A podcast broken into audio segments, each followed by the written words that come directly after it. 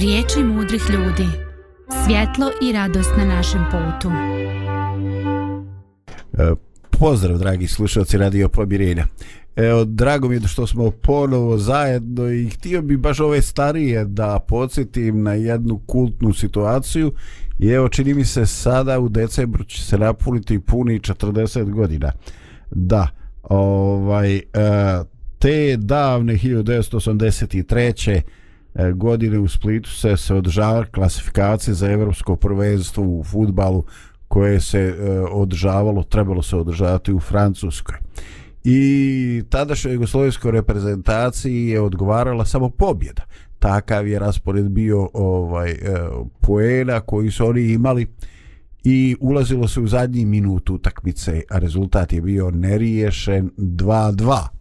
I to je bilo više nego dramatično u tom zadnjem minutu protivnička momčad, mislim da su bili Grci, kreće prema jugoslovenskom golu, on kaže, eto, eto, sad treba da dobijemo i go. No, ovaj, sportska sreća je promjenjiva i onda se e, Radovanović, mislim, znam da se radi igrač Partizana, e, brzi kontar napad dodaju i praktično u zadnjoj sekundi, jugoslovenske reprezentacije daje taj sudbrosni go i tada ovaj e, Mladen Delić izgovara onu rečenicu koja će ostvariti hiljade i desetine hiljada pregleda kasnije na YouTube i koju pamte svi koji su tada bili živi i gledali utakmicu i vi već znate i on će reći ljudi moji je li to moguće je li to moguće dakle je li to moguće? Jedno nevjerovanje. U zadnjem minutu, u zadnjim sekundama ide se na evropsko prvenstvo. Uspjeli smo. Da li je to moguće? I zaista ovaj, u život donosi eh, mnogim situacijama takva pitanja. Je li nešto moguće? Ovaj, eh, jer razočaravajuće ako ne uradimo ono što je moguće ali isto tako baš i nije sretna situacija ako trošimo svoju energiju, svoju volju, ako se jednostavno razočaravamo i dolazimo u frustrirajuću situaciju zbog nečega što je to. Htjeli smo mi to, ali realno, stvarno nije bilo moguće. I evo na samom početku pitanje. Od čega zavisi da li je nešto moguće? Pa- vidi, vidi sad to, a kakva drskost, kakvo pitanje. Da. Kako procenujete, kako vi procenujete da li je nešto moguće? Na osnovu koji parametara? Od uh, spoljašnjih okolnosti, od, uh, od, os, od ljudi koji treba da ostvare to nešto nemoguće, njihovih sposobnosti, kao i njihovih, njihove želje i motivacije i, i, i konačno vjere da je to da, znači, da je to moguće. Znači svaki put kad se uradi nešto što se smatra nemoguće, bio je neko koji ipak smatra da je to moguće. Mm, da, ovaj, on nije bio obaviješten da je to nemoguće, pa da, se e, onda... E, recimo, padem jedan primjer, pošto sad ja eto, iz tog nekog svijeta trčanja, ovaj, zaboravio sam koji je to bio, da li je to bio neću da sad da pogriješim, bolje da ne, ka, ne kažem ime, ime nije bitno, ja, ali jedan trkač je prvi istrčao uh, milju ispod 4 minute. Milja je 1609 metara, to je anglosaksonska mm -hmm. jedinica za držinu. I, ovaj, I kad je on probio prvi tu, tu A ljudi su prije toga govorili da to nije moguće, da je to neka fiziološka granica, da ljudsko tijelo ne može brže od toga, da je to... Uh, meni stvarno interesuje, znao sam u čega su on to tako mislili, ali stvarno se tako govorilo i tako se pisalo. I kad je taj čovjek prvi istečao uh, a, milju ispod 4 minute, u narednih godin dana 30 i nešto ljudi je istračalo ispod 4 minute. E sad se postavlja pitanje kako sad odjednom 30 kako može? i nešto... Da u godini dana, prije toga niko nije uspio da, da to uradi. Očigledno da je, da je ovaj prvi što je to uradio razbio predrasudu da je to nemoguće i kad su ovi drugi trkači shvatili, pa to je moguće, Možda onda, mogu su, i ja. onda su i njihova tijela to mogla. Zanimljivo je kako to funkcioniše. Znači, kad je njihov um prihvatio da je to moguće, onda i njihova tijela su to mogla da izvedu. A, znači, da, da um može da... ima, ima čak moći na tijelo, znači da, da, da da limitira. Mi sebe, di se, mi sebe limitiramo uh, nevjerovanje da je nešto moguće, a, a da kažem tako, otvaramo svoje potencijale kad vjerujemo da je nešto moguće. Sve je moguće u onome koji vjeruje. Mm. Čovače, ovaj, ovaj, ovo je nevjerovatno, nevjerovatno. Mene to posjeća malo i na onu šalu sa, na, sa nevidljivim. Ovaj, nisu ovi dole što su upravljali raketama, nisu dobili obavijest da je ovaj gore nevidljivi, pa su eto nisu imali informaciju pa su ga ruknuli i on tako sletio tamo u kuruzište o, ovaj, no nekome to šala nekome vjerojatno i nije bila no o, ovo je definitivno fenomen znači definitivno je fenomen ovaj, e, Milan je to što ti govoriš Da, znači, čovjek o kojem se govorio bio je Roger Bannister. To je bilo 1954. Hmm. Da. Znači, e, ajde, meni je manje čudo Roger... Bannister. Da od tih iza njega. Oni su mi veće čudo. da. Pa jo, majke mi, evo, kaže čovjek, ljudi, ono, znači, da nije bilo njega, oni bi, njihov mozak bi ih ovaj, držao u, u tim limitima. I onda kad su čuli da je on to odradio, onda on rekao je, možda mogo i ja. I uspjeli, uspjeli ljudi.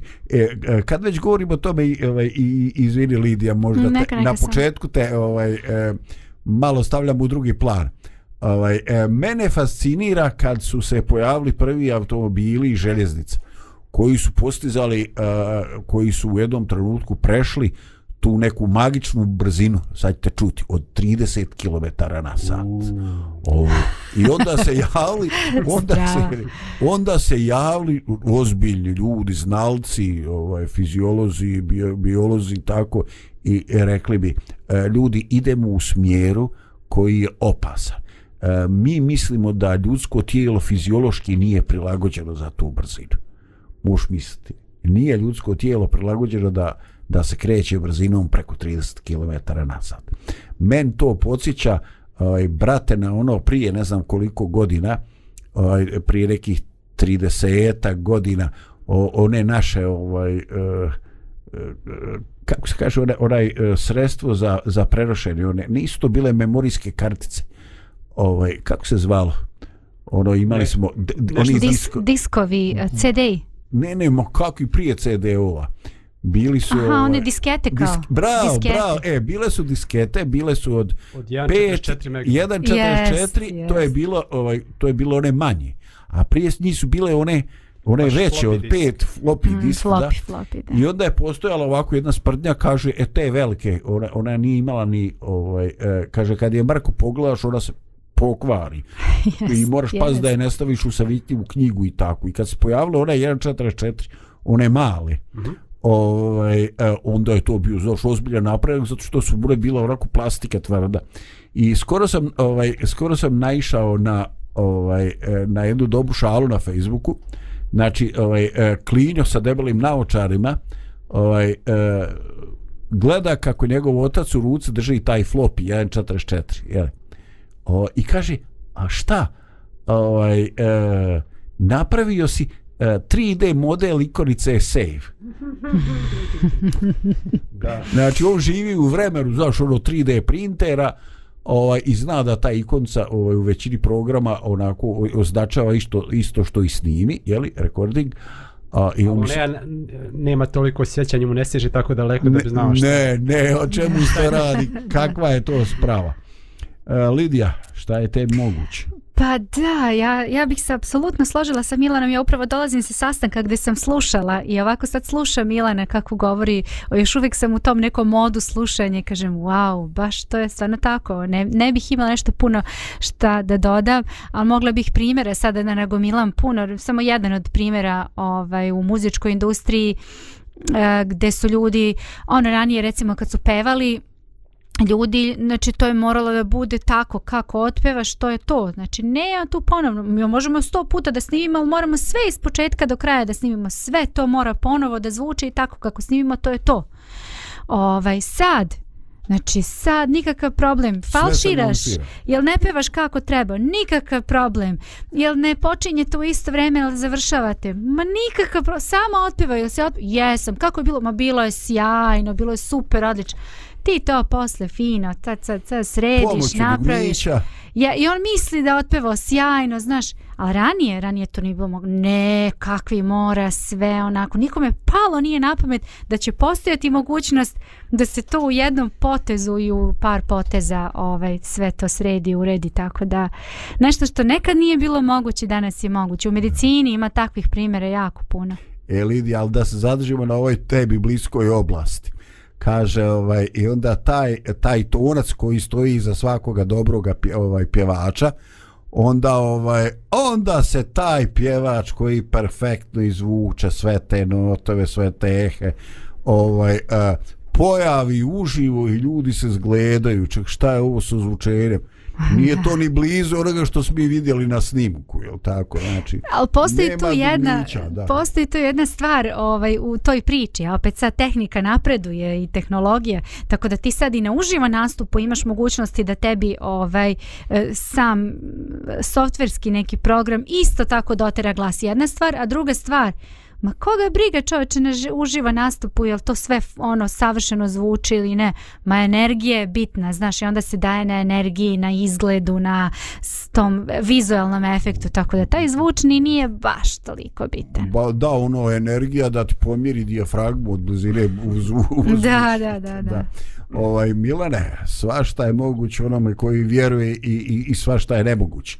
No čovače, daj puštaj nam muziku pa da vidimo šta puštaj ćemo dalje. Puštaj muziku. A važi ide. Gospod je pastir moj i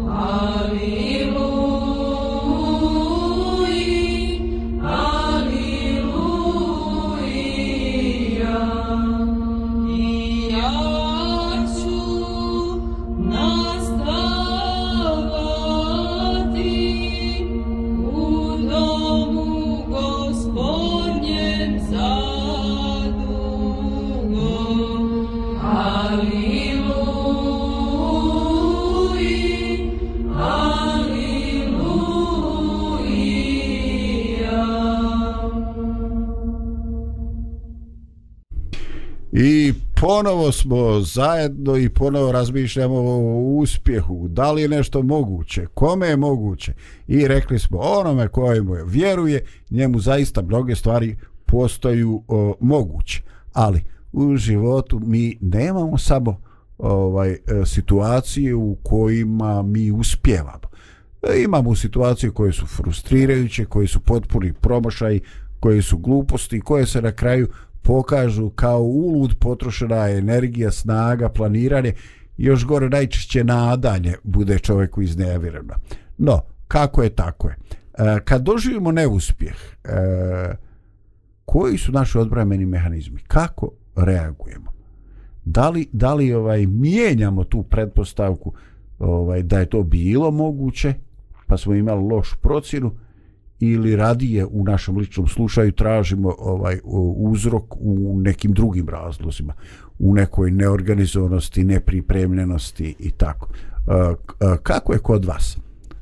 Da, ja bih voljela da spadam u grupu onih ljudi koji, o kojima čitamo, znaš, probali jednom pa nisu uspeli, pa onda probali posle nekog vremena po pa drugi put, pa 16. Pa put kad su probali, onda su postigli neki uspeh. Voljela bi da spadam u grupu tih ljudi, ali nisam ja nekako moja priroda je takva ja ako ne uspem to onako baš deluje na mene loše i treba mi neko vreme da se oporavim i, i bit ću jako oprezna drugi put kad budem probavala e, naučena iskustva možda iz prvog puta A, analiziram naravno šta se moglo tu desiti do čega je to znači da li je do mene da li je do nekih drugih stvari ali, ali poprilično oprezno pristupam onda drugi put da. pokušaju. Da, upoznat ću te jednom sestrom ovaj, e, koja mi je jako bliska, koja ima tak te tvoje osobine. Ona prvi put sjela za šivaću mašinu i nije joj baš išlo ravno, znaš. I ona je rekao, izgleda to nije za mene. Pa rekao, ne, ali suoči se s frustracijom. Yeah. Prihvati da ne ide. Ma jo, kaže, bolje da ti to radiš. I tako sam ja postao kućna krojačica, ali nećemo dalje u detaljima. Dakle, ovaj, Milane, racionališeš, pravdaš se, grožđe je svakako kiselo, šta, šta radiš? Aj, rez, bit će ti lakše. Pa eto, pokušam makar da ne podem tako nisko da kažem da je grožđe kiselo. Znači, evo, za slušac koji ne zni, to je neki pojam neki psiholog je izmislio to mm -hmm. u mhm. smislu da kad čovjek ne može da ostvari nešto onda kaže ma to je ništa i ne valja u smislu ja ne mogu da uberem to grožđe pa onda će da kaže da, da je grožđe kiselo nije, nije do mene problem što ja ne mogu da ga uberem već je problem da grožđe što ono nije, ništa ne, ne nema tu mm. nekoga ovaj, nije tu ni bilo nekog razloga nešto da se tu previše Aj, trudimo to, staj to nije to ništa da. A, ovaj, Nije. A pa to je i onom što, što, sam, eh, što sam prije par sedmica citirao Damira Nikšića, to on i to spomenje taj element u svom onom skeču, pa kaže šta će on, šta će on, šta, šta je on to nešto, ne, ne, u smislu kako naš eh, narod ovaj, derogira nečiji uspjeh ili nečije ostvorenja, da, ma šta je on sad tamo? Nekim? Da, da pjevač, šta je on, neki inženjer, mm. šta, on, šta on glumi? da, da, da, meni je dobro, a ne znam, ne znam šta je, ti sto indeksi, šta to biva, i onda ovaj, e, govori se o ovim vrhunskim sportostima koji baš daju o, ogromnu energiju i mnogo sati ovaj provode e, da treningu svakodnevno. I kažu, ja, ja da se toliko trenirao, ja bi na rukama ovdje, znači. pa znači, to što on ostvario, kao šta je bolje, ne mogu žao mi to drugi, a znaš ti Buras koliko on trenirao, ja da sam, ono, znači nije bitno, on ništa nije mrdnuo, nije se potrudio, nije uložio energiju, ali eto, on zna da se on potrudio, on bi to mogao na rukama raditi, na rukama hodati. Ali možda ću ja pogrešiti, ali ja mislim da naš narod generalno ima problem sa tim, znači da primeti uspjeh drugih i da se raduje uspjehu drugih, da kaže hej, Super, baš lepo, odlično, podržavam, hajde samo napred. Ma kakvi, znači, to je, ili, ili ni podaštavam uspeh, ili znaš kao, ma da, ali to je on, znaš, iz ovog, iz onog razloga i tražimo, znaš, jednostavno ne znamo da se radujemo ljudi moji tuđem uspehu. Ne znam jeste vi to primetili, to je možda Pri, moje, moje viđenje, da. ali baš. Lidija. I kad neko ostvari uspeh u bilo kojoj drugoj zemlji, njega uzdižu, hvale. Na sva vrata, a, jest. Doč, doček, a, ne znam, nija... Kod nas kad neko doživi uspjeh, a dobro, je se, se možda se event, eventualno sa razlikom nekih košarkaša. Da, a, da, da, baš vrhunski. Odbojkaša i tako da. nešto što, što je jako popularno, što mnogo ljudi prati. Ako, ni, ako nisu ti, znači bilo ko drugi, u smislu koga što ko je tipa taj? uspeh na poslu, uspeh uh, tako bilo gdje u nekom na takčenju matematičara, yes, informatičara realno. koga to zanima ja, da. sjećam, ja se sjećam bilo je prije deseta godina um, mislim da je neki možda čak i Banja Lučanin jer je, je, je popio se prvi, prvi iz naše zemlje koji se popio na Mont Everest i baš ovaj uh, želeći da ide mimo te naše uh, struje koja ni podaštava uspjeh čovjeka i, i znajući, gledajući neke emisije i dokumentarci kako je to ozbiljan poduhvat i koliko je zahtjeva pripreme, tako nešto, i fizičke i, sva, i, i, i svake druge. Ovaj, ja sam išao na neki bio doček u parku i ovaj nije bilo puno ljudi, ali bilo mi je mhm. drago da sam bio te grupe, dio te grupice. Tome, yes. Jer je to ipak nešto, kad neko napravi neki uspjeh, trebamo, trebamo odati priznanje. Uh, i treba se naučiti radovati tuđem uspjehu. Mislim da je to odlika nekih velikih ljudi, a da mali okay. ljudi ono pokušavaju da, da unice drugoga. Ništa ti neće, sve će ti oprostiti lakše nego uspjeh. Hmm. Da. Ovo je Milana teška situacija. Puštaj muziku da malo relaksiramo. da, malo raz... Ide. da se razgalimo malo.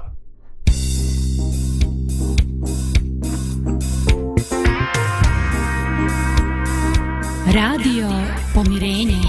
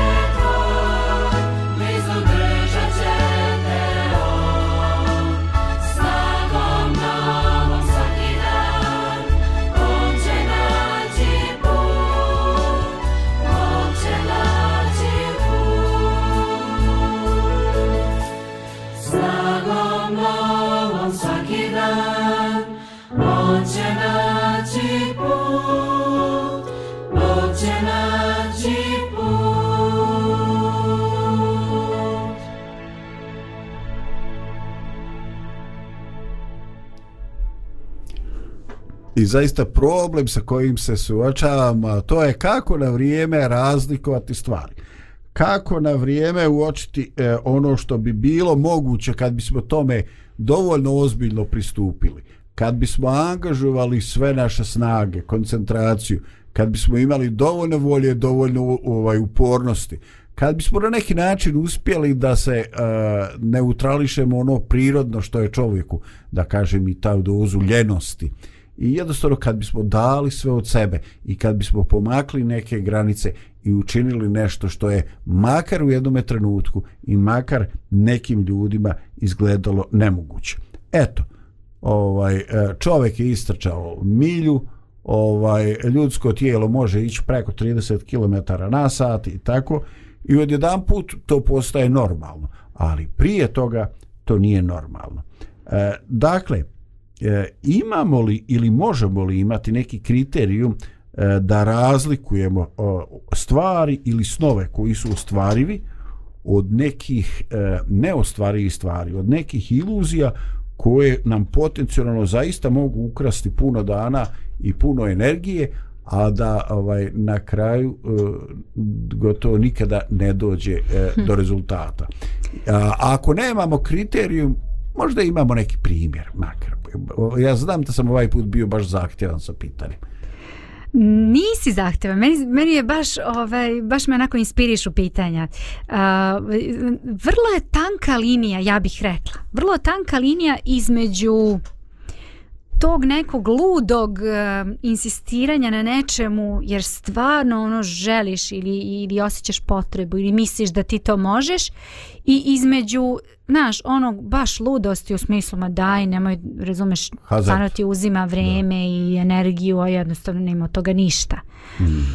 e, e, ne znam gde bismo povukli granicu i da li može da se povuče možda neka granica da kažemo je okej okay, ajde dotle ovaj, tu stani i nema ići dalje ili znaš gura idi ako to stvarno želiš i hoćeš jer um, ima primjera jako puno ali ja ću svoj primjer ispričati ja bit ću hrabra danas e, evo, uh, ekskluzivno te. u emisiji pomirenje Prvi E viš kako će, ljudi će te uvijek podržati kad postoji opasnost da se izblamira. Evo ono. sad ću upravo to da, da uredim, da. Evo. O, ovaj, pa kako bude? Ni, a, a, o čemu se radi? Znači, u, u pitanju je moja kilaža. Ja sam, ako se sećate, vi koji pratite našu emisiju Pomirenja od početka, da sam ja izgledala nešto malo drugačije. Znači, imala sam 15 plus kilograma, možda do 20 kilograma više nego što imam sad.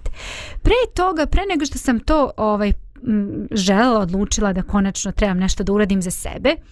Ja sam... Uh, uvijek sam govorila, ok, hajde ovako, ako doguram do 61, 2, to je, ma kakvi, to je to, nema šta. Znači do 60, ma sjajno, ako uspem, ma to je kakvi vrh. I to mi je stalo neko nekako u glavi, a i kad god sam i mršavila i dobijala, to mi je nekako ono bilo, ajde dobro, bilo bi sjajno, ono, ali nema šanse kakvi da razmišljam ja ispod toga, ma kakvi, ne, ne dolazi u obzir. Tako sam ja i sad krenula i ovaj put. Uh, ovaj, sa tim, s tim što sam neke druge stvari menjala, aj neću sad da pričam svoju priču, ali da skratim najkra, u najkraćim crtama, znači ja sam ovaj, do leta Znači, dovela svoju kilažu onako kako sam ja htjela, znači do neke te kilaže, tu se vrtilo negde oko 60. I onda sam rekla, dobro, hajde sad dolazi leto, pa verovatno ću ja malo da se ono opustim i šta je znam. Međutim, Ja, ali zašto bi se opustila? Zašto? Osjećam se super pa ovako. Pa zima je za opuštanje. Da, Leto, jeste, jeste. Ali nekako mi sve to nije imala logike. Sam rekla, pa ne, zašto bih super se ovako osjećam? Idem ja i dalje sa ovim. I onda sam nastavila i nastavila i nastavila. Kad sam se ja okrenula sve više i više, znaš, gledam, ja sam došla do nekih 58 kilograma, 57 ne, i nešto, do 58 kilograma. I onda ja kažem sebi, wow, pa čovječe, ja sam probila taj neki limit u svoje glavi gde sam ja smatrala to je to, ma nema šanse da ja odem ispod toga. To ček, je... ček, i onda, jeli, dođe neko, recimo dođe sve krva i kaže, dijete drago, trebala bi ti otići doktoru. Nešto se dešava sa... Da, slič, sve krva nije, ali mnogi su prilazili i sad pitali me, ej, jel si ti zdrava, jel sve ok, ako nikad se zdravije nisam osjećala, ljudi, fantastično se osjećam i tako. E sad dobro postoji, naravno... Je, je žena propala. Da. Kod nas je, to nas kažu. To je propu. Da. Postoji, da. Ove, ovaj, ta neka zdrava granica gdje će ti reći dobro sad stvarno više ne bi trebalo da ide ovaj, niže od toga jer stvarno ne bi bilo zdravo. Ali ovo je znači još uvek to u nekim sasvim granicama normalnim ja se ljudi toliko dobro osjećam a probila sam taj neki svoj limit tu neku svoju granicu Mo, naravno 162 Pupo, tu bi trebalo i 58 sas... kg O, pa trenutno, trebalo trenutno. bi 60 da ti je sasvim ok, ne znam što, što ide. Pa sad zavisi, do, zavisi šta uzmeš, žensko. uzimaš kao referensu, da, da, znaš. Da, da, da, dobro. Neki kažu da mogu i 52 da imam, to bi mi onda bilo kao najidealnije. Ne bih baš 52, mislim, bila bi baš kostur. Sad u mojim godinama, ovako kako se izgledam, stvarno ne bih baš 52, baš bilo previše, previše. Uh, Ali ja se sad stvarno dobro osjećam u ovoj trenutnoj kilaži, jer kažem, probila sam taj limit svoj, znači da sam rekla ne možemo, kakvi ne može, vidiš da može. samo samo limit, limit je u glavi. Mhm. Ha, indeks tjelesne mase je 22,1, a normalan je od 18,5 do 24,9. Znači skoro skoro na sredini, baš skoro ono znači, idealno. Idealno, eto. Svaka. Baš ti hvala na ovoj informaciji, to mi znači da znam dobro. da sam dobro. Aj, na dobrom pogledu. Aj, pogledaj tam posle emisije. I za mene, jel? 193 cm, 102 kg. E. O, e, e, gdje, na kojoj sam listi, na kojoj sili. Ali pazi, pusti te tvoje tabele. Meni Sanja kaže ti sa 95 ne ličiš ni na što čoveče, sam su sukar. I kad meni moja žena kaže da ja ličim, ja još moram do koji kilogram i ne ja tu priče. A, pa A dobro ima to i tu nekih drugih. Koliko ste vi 193. Našao. Našao. E, i dok se naš kolega brine, o, o, jes već našao. Ni, ni, A koliko imaš kilograma? 103? 102. 102. Da. Zavisi da se najede. da se najedeš nečega.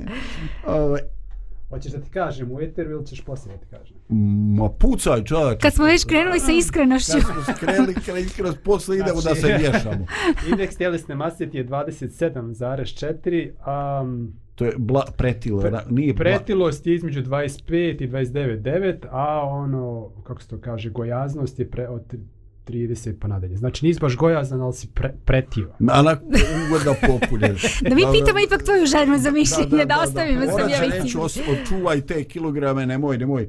Ovaj, sto ti je donja granica i tako. Ovaj, ali ništa, te tabele ništa ne govore o kostima. Ne, ima, znaš, kako ima to, ima starosna dob, ima, ima starosna dob, ima, imaju neki ljudi, imaju kostar, Drugi kotelat, ili tako, krupne kosti i oni sa 90 nešto kila ne liče ni, za što, ni na što čavače. Ali dobro, ajde ja to ne, ne relativiziram ni ne navlačim ovaj, vodu na svoju vodenicu. Ovaj, Lidija, cijenim, poštujem svaka čast, ovaj, ali ne znam, ne znam šta, ovaj, Sanja, nemoj da slušaš Lidiju, nemoj da pada na pamet kakvi 60 kila da. Pa ja mislim da zato Sanja odgovara da ti budeš preko 100, zato što ovaj, ako onda ti bio ona... mršavi, onda bi ona pored tebi izgledala, mislim... Punija. da, da, da, da. Pa je bolje ako si ti malo. Da, da, da, onako, on, mi smo kao par usklađeni. Eto to. O, e, E sad pogledajte, dakle postoje neki kriterijumi, postoje neke životne situacije u kome mi imamo ovaj snove koji su stvarili, imamo iluziju. Uh, Ovaj, I ka, tražimo neki ovako ek, ekstremni primjer. Ovaj, postoje ljudi znači, e, koji se kockaju, koji uporno gube novce i kad ih pitam dečo što to radiš, oni kažu pa, pa teoretski je nemoguće. Mora jednom da me udari neki veliki dobitak. I znači on ovaj uh, on je eto prije tri godine je dobio na bingu ili ovaj kako se zove na onim grebaljkama ili na lutri dobio 50 maraka i ovaj od tada je uložio u bingo 350 maraka ali on se nada da će se to ponoviti da će on ponovo dobiti 100, 200 ili više maraka eto to su neke, neke stvari gdje ovaj jednostavno uh, statistički je moguće uh, ali ovaj eh, ono što se dešava mi ne uzimamo kao faktor upozorenja ali ti faktički tvoj eh, indeks ne indeks tjelesne mase ne indeks eh, tjelesne mase tvog novčanika pada a ti se brate ne oporavljaš ajd ku očito je očito iluzija Mm, to već možda spada sad u bolesti zavisnosti da je Sigurno. Božo danas tu sa nama u emisiji, on bi vjerojatno ovaj, uzeo reč ovde i imao bi šta da kaže na tu temu, ali to definitivno je nešto što ali spada ipak u nešto danas. drugo. Da. da. Za sad možemo reći da je ono što kažu da u kocki jedino kockarnica dobija, znači mm. vjerovatnoće za dobitak je takva da da oni uvijek dobijaju, ne znam, u 90 nešto posto slučajeva, a igrači dobiju 10% nešto slučajeva. I uglavnom se desi to kad neko jednom dobije, E o sad tome to se možda Božo mogu sad da pojavi pojasni kakav je to osjećaj zadovoljstva, kakvi mm. se hormoni oslobađaju u mozgu i kako to onda stvara osjećaj neke zavisnosti u čovjeku u želju da to ponovno iskusi jednom. Međutim, vjerovatno će ni na njegovoj strani, uglavnom ti ljudi izgube više nego što su dobri kao, kao taj što je, kao taj što ste pomenuo. Da, ovaj, e, uh pa možda da nam pustiš još jednu pjesmu jer imam neka konkretna ovako pitanja primjenjiva u životu. Može, ide.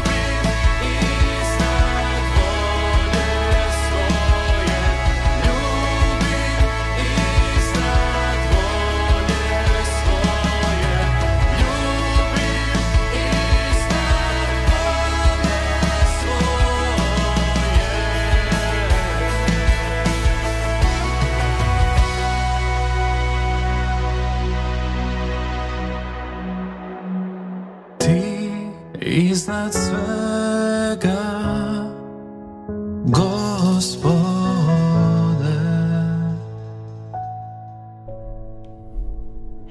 Drugari, e, kako je vaše lično iskustvo? E, kad razmišljate o svom životu, o svojim snovima, idealima, ciljevima, e, šta možete reći?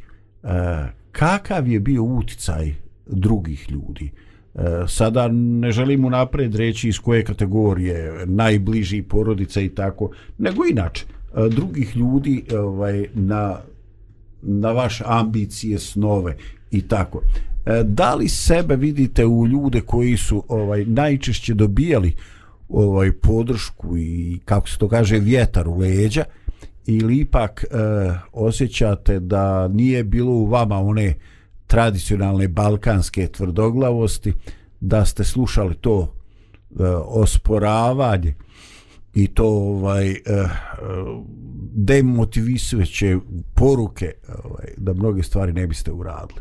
Kako je vaše iskustvo? Ne morate nikoga optužiti sada ono da se on osjeća neugodno ako bude slušao emisiju. Pa sad ne znam, evo, jer recimo u mom slučaju, a sad um, ono što sam ja primijetio jeste da prvo nekad sam ja imao nekakve ciljeve, nešto sam želio da ostvarim i to se nije i to nisam uspijevao i onda ovaj onda sam ja počeo da onda je u meni nekako došlo do promjene da um, da umjesto da pričam ono, mislim da to Mark Twain rekao, ma, manje priča i više radi. U smislu da, da više radi na ostvarenju svojih ciljeva, a manje pričam o tome, o tome mhm. što radi. Tako da, obaj, tako da je sad to neka moja politika. a mm što se tiče podrške drugih, ne znam, i kad sam, e, ipak je nekako najvažnije ta nekva, nekakav unutrašnji, uh, unutrašnja motivacija i vjera da je to moguće, više od podrške. Ako te ljudi podržavaju okola, nema to tebe iznutra, onda ne, ne pomaže to mnogo. A s druge strane, nekad sam osjetio, nekad sam osjetio, e, znate mi to ne znamo obično, ali nekad, nekad se desi neka situacija ili izađe neka riječ iz usta e, gdje sam mogao da, da vidim uh, da mišljenje nekih ljudi o meni nije baš tako visoko kao što bih mhm. ja želio. Um, međutim, ono što mi je pomagalo jeste da taj nekakva e, ta duhovnost i, i odnos sa Bogom kroz koji sam ja gledao na sebe Božim očima, a ne, lju, a ne očima ljudi. Jer da sam se uh, gledao očima ljudi, vjerovatno bi tamo sjeo gdje jesam i plako nad svojim tužnom sudbinom, što sam takav kakav sam. Međutim, nekako još i, i kroz, kroz taj onda sa Bogom ja nekako gledam da vidim sebe drugačije kroz Božje oče, ako, ako razumiješ što hoće da kažem. I, mm, a pa, Bog vidi u svakom od nas i meni nešto vrijedno i neke potencijale i neke stvari koje ja uvijek mogu da uradim i to mi, to mi puno pomaže. To mi puno pomaže. Tako da čak i kad sretnem neke osobe koje možda misle da ja nešto ne mogu ili da nemam sposobnosti za nešto ili nemam karaktera za nešto, da se nekako odbije od mene. Hmm. To se odbije od mene zato što ja znam da to nije tako. Mm. U, znači ti si, ti si ovaj stvorio si tu ovaj uh, potrebnu dozu imuniteta na taj, na taj tuđi pesimizam. Super, super zvuči. Lidija? Daj malo meni te doze. Tebi ovaj, još malo to. Da, da ne, u, mom, u mom slučaju ja sam često dobijala uh, ono što nisam želela vezano za mm, ne znam za neki moj moj životni pravac za neko usmerenje sve ono što baš nisam nekako sebe nalazila i vidjela da bih ja to možda mogla Ove, ovaj, ja sam to dobijala, to mi je onako stavljeno. To ti je ono kao danas servijeno. Nataša kad kaže, ono, svi ohrebrivarali za harmoniku, ona baš nije A ona baš nije bio sretna da, da, sa da, harmonikom. Da. Ali to je, zanimljivo je to. I onda ja se pitam, pa dobro, okej, okay, nije baš da nemam uopšte možda talenata i želja da radim tako te neke stvari, ali pa nis, nije ni baš neki moj prvi izbor, ja bih možda sebi nešto drugo dala. Mm. Ove, ovaj, međutim, Bog, Bog te nekako vodi u tom nekom pravcu i, i u mom slučaju Bog to igra jako važnu ulogu, kao što si i ti, Milane, spomenuo, gde ja, a, neverovatno je da, da kada sa Bogom, a, znači kad sa njim nekako odlučuješ, razmišljaš o tome u kom pravcu će tvoj život da krene, kad, kad nekako njemu prepustiš neke stvari, Bog te vodi u nekom možda čak i čudnom pravcu i, i onda posle, tek posle nekog vremena, recimo ja sad kad se okrenem iza sebe, ne znam da li je neko već postavio to pitanje ili se možda ja to razmišljala sa nekim drugim, ovaj, recimo kad prođu, kad bi se sad vratio u neke godine, možda 20 godina unazad, 25-30, zavisi koliko sad ko od nas ima godina i okreneš se i, i sad iz te perspektive posmatraš ovaj svoj život unapred. Da li bismo rekli, ljudi moji, da li je ovo moguće? da li je ovo stvarno moguće, da je moj život stvarno u tom pravcu ovaj, krenuo i da je sve to tako bilo. Jer mi sad iz ove perspektive uvijek posmatramo, ma da, ali možda je moglo u nekom drugom pravcu, možda je nešto drugačije moglo, možda nije to sve onako kako bismo mi. Ali e, s druge strane, uh, E, ja kažem, ovaj, Bog stvarno nekako to vodi na neki svoj način, jer nije sve ono što mi mislimo da, da je uspeh stvarni uspeh. U Božim očima uspeh je možda nešto sasvim drugo, a mi to ne znamo. Mi mislimo da trebamo negde u nekom pracu da se razvijamo. Bog kaže, ne, ja mislim za tebe nešto sasvim drugo, jer za tebe to nešto dobro. Ima misli moje za tebe. Tako misli je, dobre, a ne zle. Jeste. E, ali ti si mene stavila sad u jedno iskušenje i ja ne mogu odoliti, jel tako? o, jes da ovo nije privatni radio, ali ja sam sam sebi privatan. Ti kažeš kad bi se vratili natrag u 20-30 godina. Eto, eto, kad bi se vratili nazad 27 godina. E, Sanja, ja bi to opet oženio. e, e, eto, šo, Sanja, znam kaj? da Sanja sluša, tako e, da Sanja, opet, e, opet šta ćeš oženio, lepše? Sa 27 godina unatrag kada se ide, eto, vjeruj mi, iako ovaj, pored svega što smo zajedno preživjeli, da. Ovaj eto, super. Uh, Ovaj, e, no, definitiv... Učiš od Bože, učiš od Bože. Učiš od Bože, da. Jeste. E, Božo, Božo, izgleda tvoje mentorstvo daje prve rezultate. da, da, da, da, da.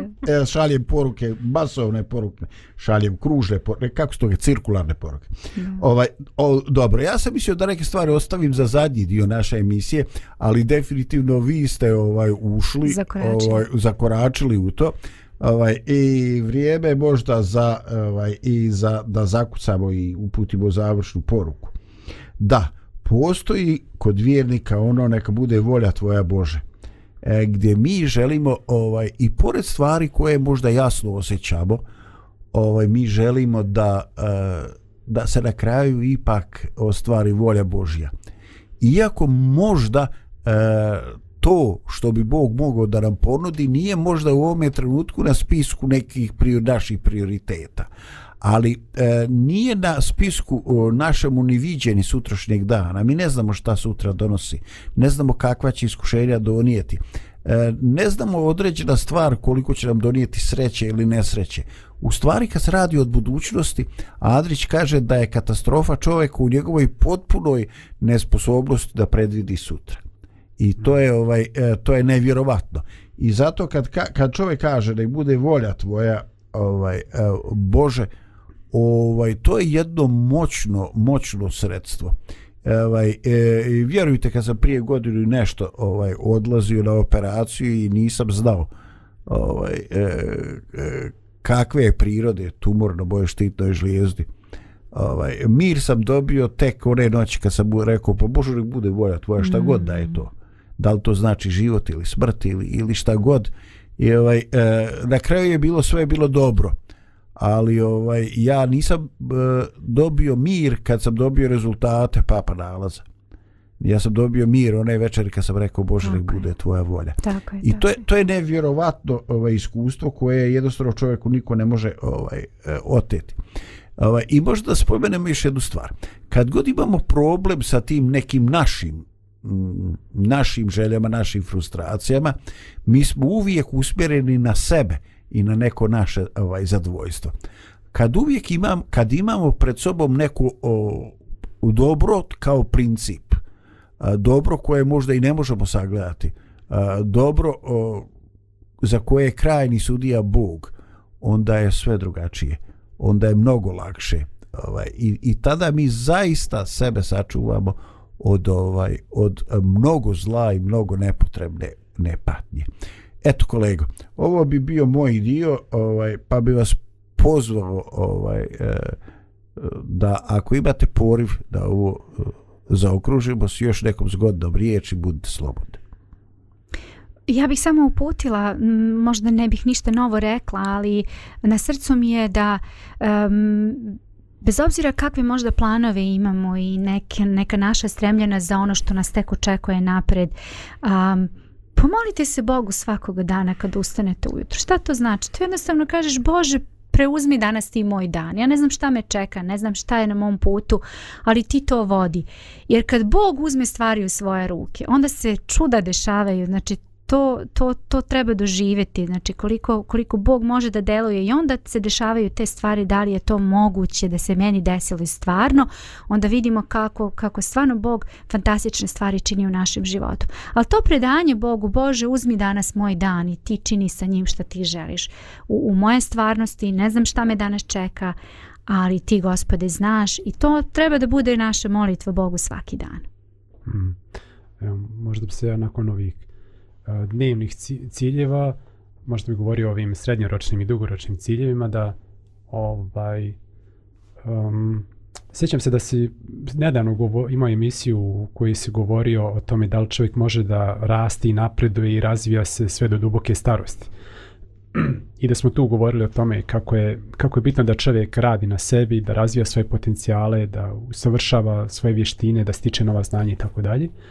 I ja mislim da je to neki, neki, nekakav pravi smjer u kome čovjek u život treba mm. da mhm. ide i da svako od nas ima neke ljestve koje vode ka uspjehu. E sad, pitanje je koji od više ili mnogih ljestava da izabere i mislim da je tu mjesto a, čovjekom odnosu sa Bogom da mu Bog pomogne da izabere ovaj, prave ljeste uspjeha jer mnogi ljudi, to je Stephen Covey pisao u svojoj knjizi, a, jako se trude da se popnu na određene ljeste uspjeha, a kad dođe do vrha shvati da ušte nisu tamo ni, ni htjeli da budu. Znači treba prvo razmisliti šta je ono što stvarno želimo da budemo um, i onda uh, raditi svako dan na, to, na tome. A što se tiče drugih ljudi, dobro je da imamo njihovu podršku, ali to nije na nešto što, što možemo uvijek da računamo. Uh, Evo, i htio sam da podijelim s vama ovaj, jednu misiju, uh, eh, misiju Mahatma Gandija. Uh, eh, prvo, će te ignoris, prvo te ignorišu, zatim ti se smiju, onda se bore protiv tebe i onda ti pobjediš. Tako da je to neka... da.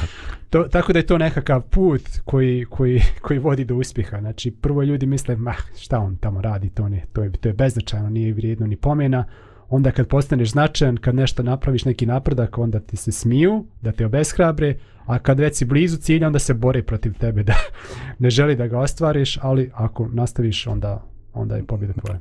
I onda ti, onda, ovaj, i onda ti pobjediš. Kolege, hvala vam. Ovaj, I završio bi ovu današnju emisiju ovaj sa, uh, sa porukom. Uh, želim da imate pozitivno iskustvo uh, pozitivno iskustvo ovaj, da ste našli načina da predate ovaj, svoj život, da ste imali autentično iskustvo koje se zove Bože ne bude volja tvoja i da ste vidjeli koliko je to ovaj dobar potez i koliko neko ko je daleko iznad čovjeka bolje zna šta je za njega dobro. Eto, a, lijep blagosloven dan vam želim. Pozdrav iz studija Radio Pomirenja. Muzika